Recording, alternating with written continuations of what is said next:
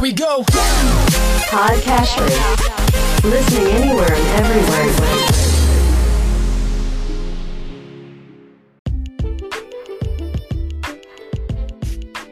Welcome to Weekly Investment Podcast bersama saya Ferdian Syahputra dari Ispring Investment Indonesia untuk Prudential Indonesia. Dalam lingkup ekonomi makro, akan sering sekali kita temui istilah transaksi berjalan. Transaksi berjalan menggambarkan aliran dana antara satu negara dengan negara lainnya, yang terdiri dari tiga komponen, yaitu neraca perdagangan, pendapatan atas aset finansial, dan transfer unilateral. Dari ketiga komponen tersebut, komponen terbesar dari transaksi berjalan ada pada bagian neraca perdagangan. Neraca perdagangan secara umum adalah perbedaan antara impor dan ekspor barang dan jasa dari sebuah negara. Data ini kemudian banyak digunakan untuk memahami kekuatan ekonomi suatu negara dalam kaitannya dengan negara lainnya.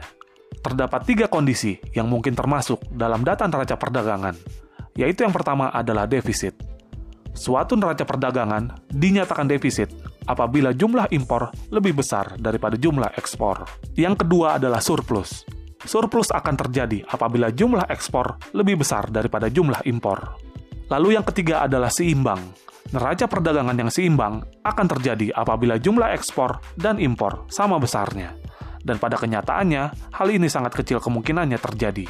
Bagi perekonomian domestik secara umum, kondisi defisit dianggap kurang baik dalam hal pembayaran, di mana dalam neraca perdagangan yang defisit, hal ini akan menunjukkan bahwa perekonomian domestik memiliki arus keluar yang lebih besar kepada sektor asing. Kondisi tersebut akan berpengaruh pada pendapatan, baik swasta maupun pemerintah, yang pada akhirnya akan mempengaruhi daya beli dan pertumbuhan ekonomi. Sebaliknya, kondisi surplus dianggap menguntungkan bagi sebuah perekonomian karena akan menghasilkan arus masuk lebih besar ke dalam ekonomi domestik dari sektor asing yang cenderung menguntungkan negara. Dengan kondisi surplus, pendapatan pemerintah dan swasta akan meningkat, dan ini mampu mendorong pertumbuhan ekonomi.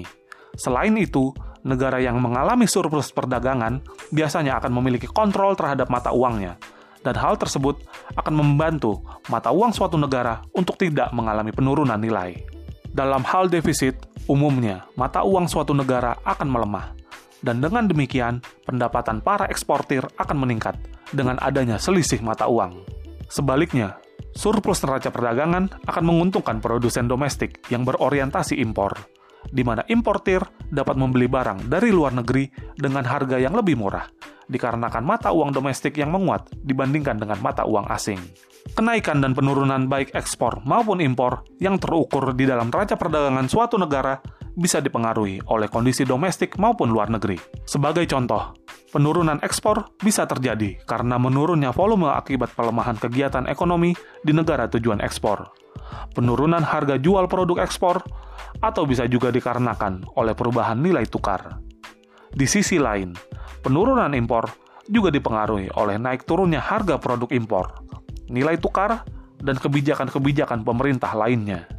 Mencermati perkembangan transaksi berjalan dan juga neraca perdagangan dari waktu ke waktu akan memperkaya analisis dan memberikan nilai tambah pada pengelolaan investasi karena transaksi berjalan dan neraca perdagangan merupakan salah satu indikator makroekonomi yang cukup penting bagi pengambilan keputusan berinvestasi di pasar modal, yang pada dasarnya memang sangat terkait erat dengan kondisi makroekonomi suatu negara. Demikian Weekly Investment Podcast dari Ispring Investment Indonesia untuk Prudential Indonesia. Semoga bermanfaat dan salam investasi.